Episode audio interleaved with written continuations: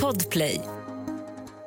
Redan nu kan du lyssna på samtliga avsnitt från den här säsongen på plattformen Podplay.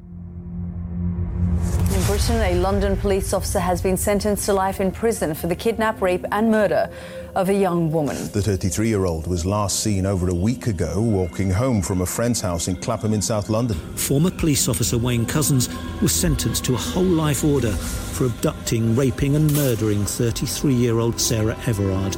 Do you know Sarah? I don't know. Okay. Do you know where Sarah is? No.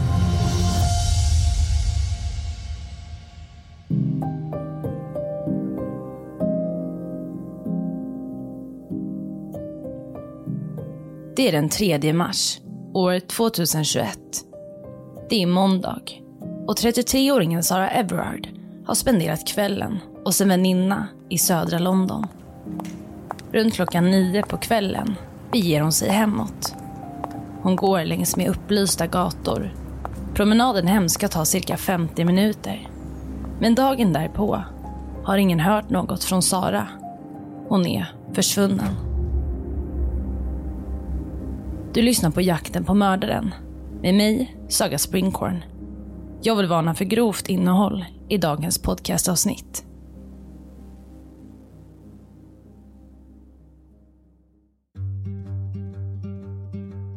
Sara Everard föddes år 1987. Hon växte upp i staden York, England.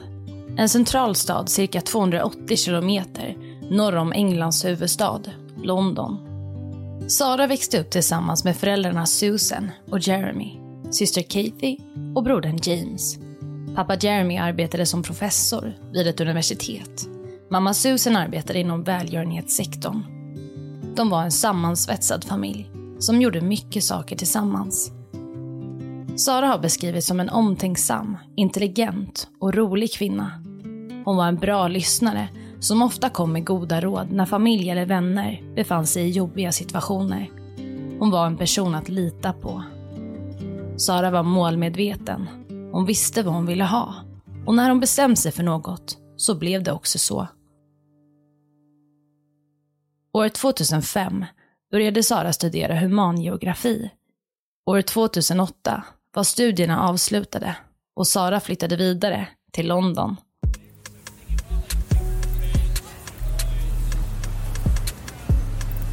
Hon skaffade sig en lägenhet i Brixton, en stadsdel i södra London. Ett livligt och mångkulturellt område med en jordnära atmosfär. Väl i London började Sara arbeta med marknadsföring.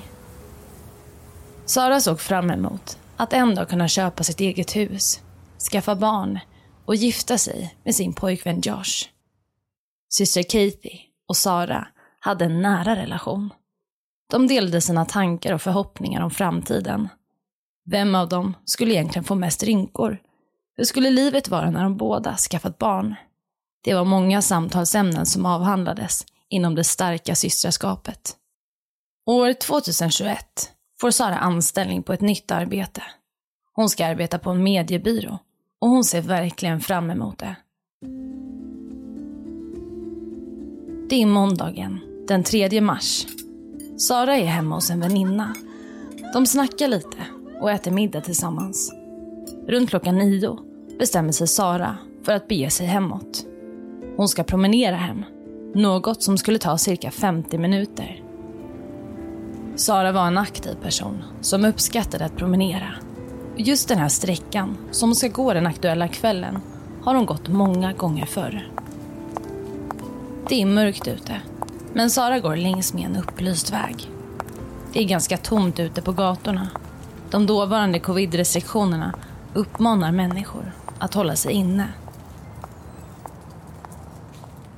När Sara promenerat en stund ringer hon till sin pojkvän Josh. De pratar med varandra i cirka 15 minuter. Under samtalet fångas Sara på en övervakningskamera. Hon har mobilen tryckt mot örat, en ljusrosa skyddsmask över ansiktet, en vit mössa och en grön regnjacka på sig. En stund senare passerar Sara ytterligare en övervakningskamera. Därefter försvinner hon spårlöst.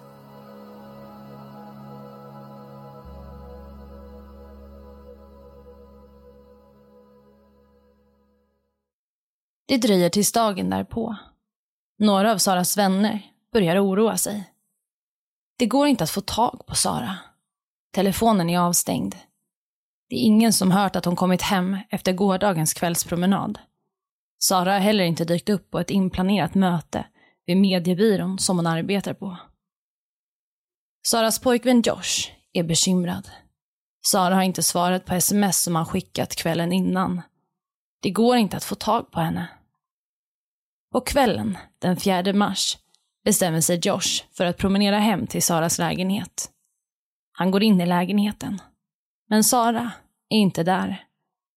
Vid det här laget är vänner, familj och Saras pojkvän övertygade om att något allvarligt hänt. Josh anmäler Sara som försvunnen och redan från start förstår utredare och polis att Sara inte försvunnit med fri vilja.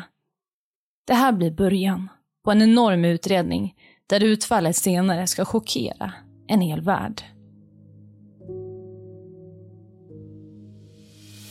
Bilder på Sara sprids via sociala medier. Människor delar vidare inlägget om hennes försvinnande. Det når miljontals människor.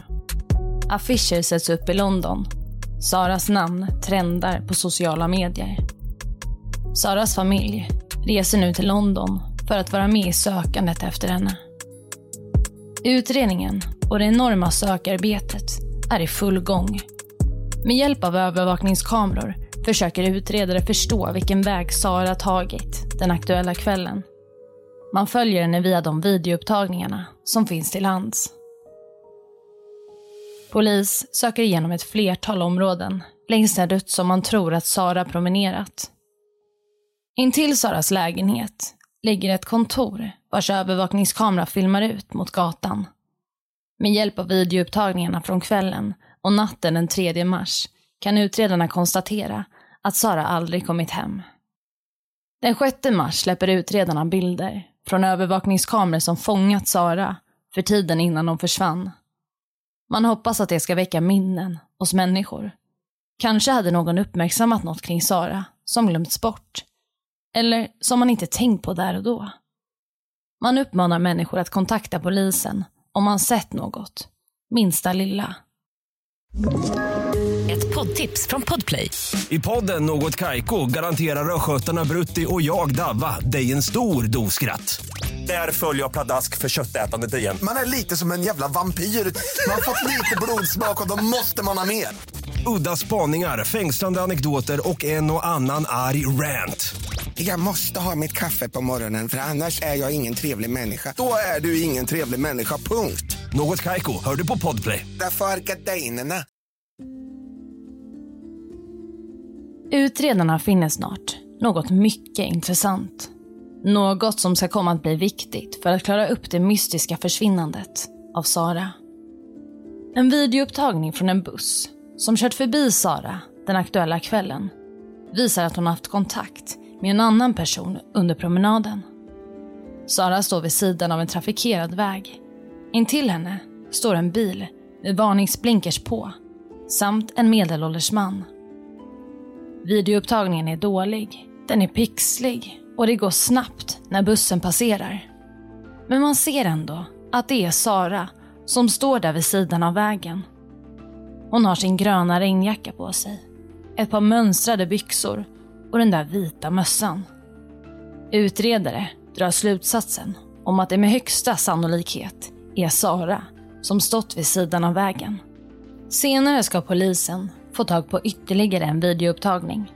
Sekvensen utspelar sig några minuter efter att man sett att Sara och mannen står och samtalar vid sidan av vägen. Nu visar upptagningen att två bildörrar på bilen som stått intill är öppna. Hade Sara och mannen hoppat in i bilen tillsammans? I så fall varför? Vem var egentligen den där mannen? Ja, det är ett stort pådrag kopplat till Saras försvinnande. Det är enormt mycket människor som engagerar sig och som tidigare nämnt går sociala medier på högvarv. Utredarna intresserar sig nu givetvis för den här bilen som har synts till på videoupptagningarna. Får man reda på vem bilen tillhör kan man eventuellt också ta reda på vem mannen som stått bredvid Sara är. Och det visar sig snart att bilen är en hyrbil. Och den som hyrt bilen den 3 mars är en 48-årig tvåbarnspappa vid namn Wayne Cousins. Det finns inga bevis för att han har gjort något mot Sara, men det verkar som att det är Wayne och Sara som står och pratar vid sidan av vägen. Och därför väljer polis att gripa denne Wayne. Det finns dock något som är väldigt problematiskt kopplat till det här gripandet. Wayne arbetar som polis i London. Mm. Vi går vidare. Den 9 mars grips Wayne misstänkt för att ha kidnappat Sara. Men det är inte bara Wayne som grips. En 30-årig kvinna som är skriven på samma adress som Wayne bor på grips för misstanke för medhjälp. Men kvinnan släpps snart och misstankarna mot henne upphör. Polisen förhör Wayne i och med att det är brådskande, då Sara varit försvunnen i flera dagar, får man tillstånd att förhöra Wayne utan närvaro av advokat. Vi lyssnar lite till hur det lät under förhöret. It's very difficult because I can't go into a lot of the evidence because obviously that would require that's not part of what an urgent interview is. Okay, this interview is just about trying to find her. Sure. She's been missing for a while I'm, now. I'm sat in handcuffs and uh, what I know her. So you must have something to say that I, I know her. I said, you've been arrested on suspicion of kidnap, and we believe that you've been involved in her disappearance and taking her away from her family. Okay. So we are trying to find her. Den manliga utredaren, som förhör Wayne, berättar att Sarah Everard försvunnit under onsdagen. Han visar en bild på henne. Wayne berättar att han vet att Sarah försvunnit. Det hade ju inte gått någon i London obemärkt förbi med tanke på den spridning fallet fått. Utredaren frågar om Wayne interagerat med Sarah kvällen den 3 mars. Wayne svarar nej. Men snart berättar han något intressant. Wayne berättar att han sitter illa till, rent ekonomiskt. Han berättar att han köpt sex av en prostituerad några veckor tidigare och att ett gäng östeuropeer sedan hotat honom då han underbetalt den prostituerade efter sexet. Gänget hade hotat att skada Waynes familj. Deras krav var att Wayne skulle leverera en ny tjej till dem. Wayne säger att han inte haft något val. Därefter erkänner han att han kidnappat Sara. Wayne påstår att han överlämnat henne till gänget och när han lämnat över henne hade hon varit levande. Waynes historia låter påhittad, men än så länge finns det inga bevis mot honom. Man undersöker Waynes mobiltrafik för den 3 mars och snart ändras misstankarna gentemot Wayne från kidnappning till mord. Med hjälp av mobiltrafiken kan man konstatera att Wayne under den aktuella kvällen kört sin hyrbil cirka en och en halv timmes färd bort från London till ett lantligt skogsområde. Utredarna misstänker att Saras kropp kan finnas i närheten av platsen så sökarbetet trappas upp och fokuseras nu på det nya, aktuella området. Det visar sig också att Wayne är bekant med området sedan tidigare. Något som gör det hela än mer misstänksamt. År 2019 hade han nämligen köpt en bit mark i området. Den 12 mars, nio dagar efter Saras försvinnande, kommer det fruktansvärda beskedet. Mänskliga kvarlevor hittas i en skogsbäck i Ashford, Kent, bara några meter från marken som ägdes av Wayne. Kroppen går inte att identifiera på plats då den är i så pass dåligt skick. Men allt pekar på att det är Saras kvarlevor. Först två dagar efter upptäckten kan man konstatera med säkerhet att det rör sig om Sara. Sara blev 33 år gammal. Ett poddtips från Podplay. I podden Något Kaiko garanterar östgötarna Brutti och jag, Davva, dig en stor dos skratt. Där följer jag pladask för köttätandet igen. Man är lite som en jävla vampyr. Man har fått lite blodsmak och då måste man ha mer. Udda spaningar, fängslande anekdoter och en och annan arg rant. Jag måste ha mitt kaffe på morgonen för annars är jag ingen trevlig människa. Då är du ingen trevlig människa, punkt. Något Kaiko, hör du på Podplay. Därför är gardinerna. Människor är berörda av Saras fruktansvärda öde. Människor vill minnas henne genom en ceremoni vid Clapham Common, en av Londons största och äldsta offentliga öppna platser. En vacker plats med dammar, träd och grönområden. Vid 18-tiden har flera hundra människor samlats för att minnas Sara. Området fylls av blommor, plakat och brev. Men ceremonin ska komma att avbrytas då polisen beslutar att bryta upp folkmassan. Människor hade ignorerat de dåvarande covidreglerna och nu beslutade sig polisen för att ingripa. Det blir tumult på platsen. Fyra personer grips för brott mot den allmänna ordningen och för brott mot coronareglerna. Polisens agerande ska i efterhand skapa enorma rubriker. Kritik riktas mot polisen och en utredning och granskning av agerandet drar igång. Denna granskning ska senare konstatera att polisen agerat på ett lämpligt sätt med avseende på de dåvarande covid-reglerna.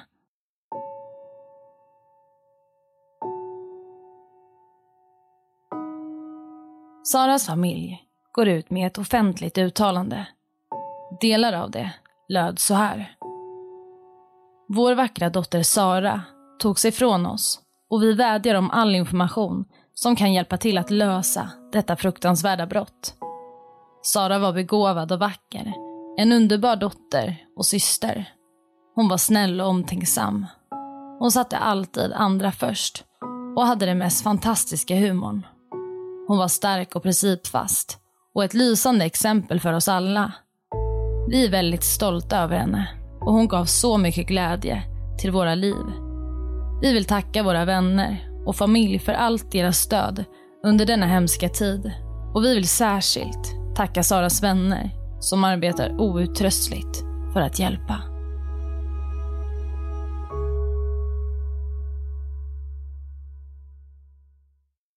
Polisen har nu ett viktigt arbete framför sig. Att sätta dit en gärningsperson och förstå vad som lett till Saras död.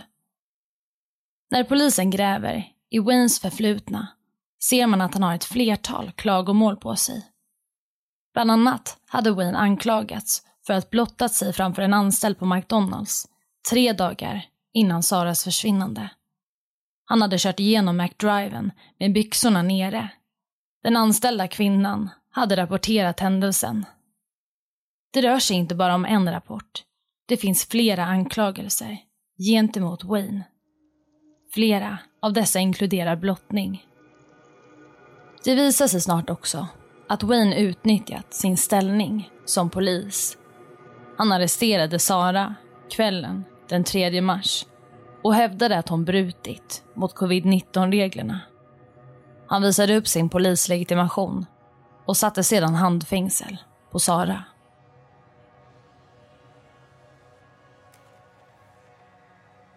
Ja, Sara hittades i en skogsbäck nära den marken som Wayne ägde. Hennes kropp var i ett förskräckligt skick.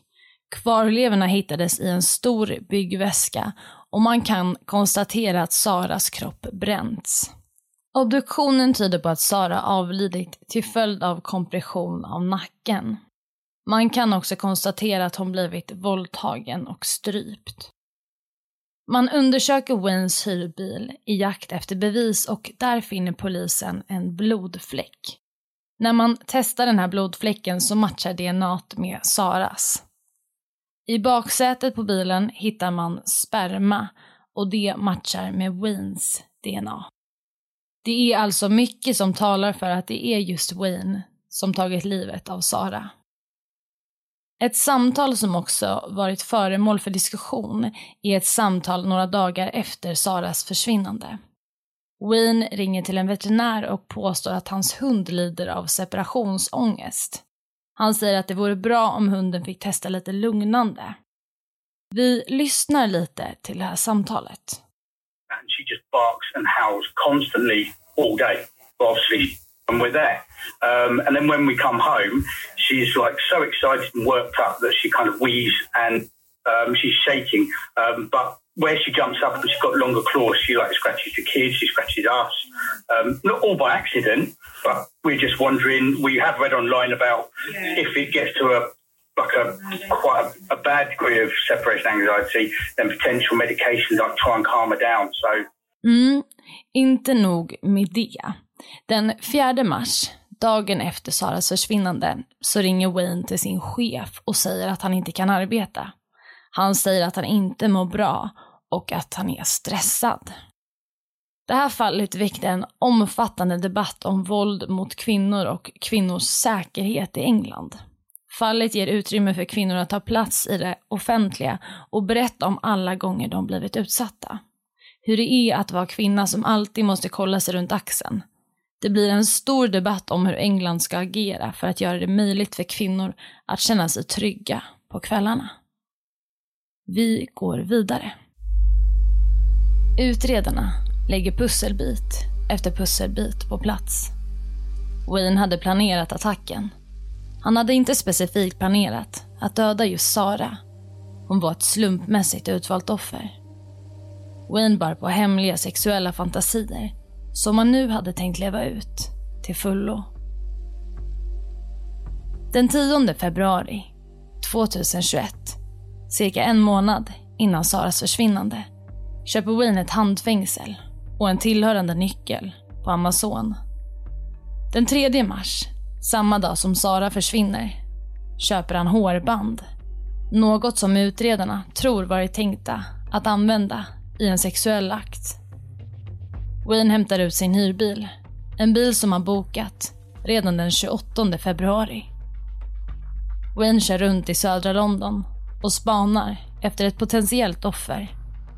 Och snart ser han Sara och tänker att han hittat rätt.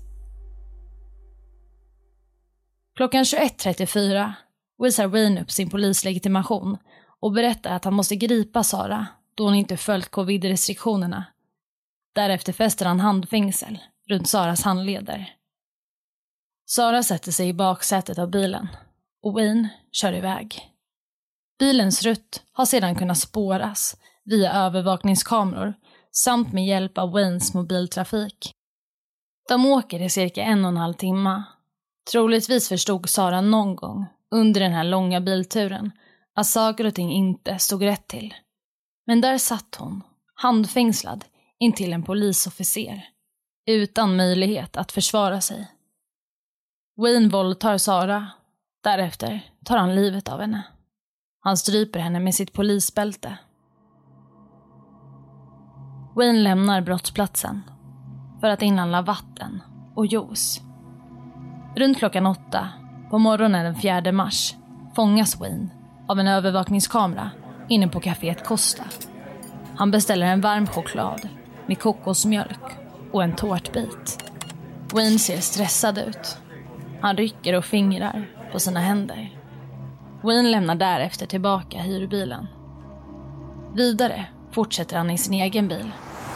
Han dumpar Saras mobil och åker vidare till en bensinstation. Han köper en bensindunk och fyller den med 5,85 liter bensin. Bensinen ska senare har använts för att bränna Saras kropp.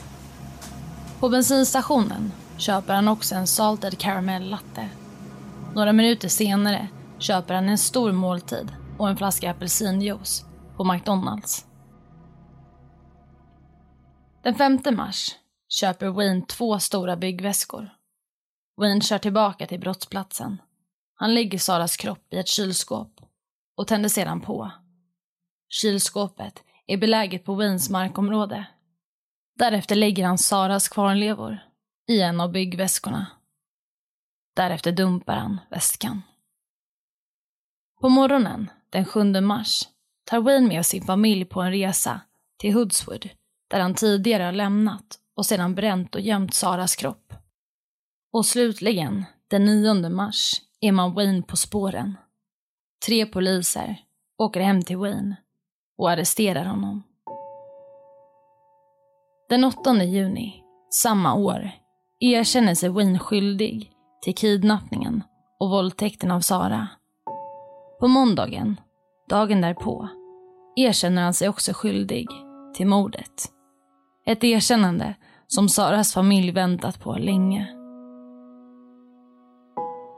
Den 30 september dömdes Wayne till livstidsfängelse utan möjlighet till villkorlig frigivning.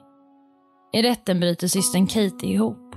Hon ber Wayne att titta henne i ögonen, men det gör han inte. Hon säger bland annat, citat. Du behandlade Sara som att hon var ingenting. Du kasserade min systers kropp som att det vore skräp. Slutcitat.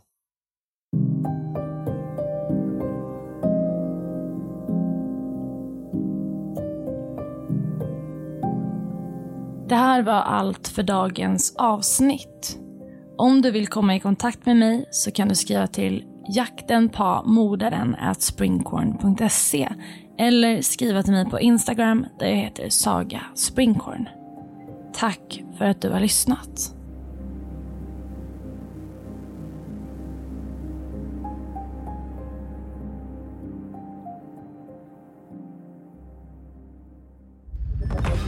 Podplay, en del av Power Media.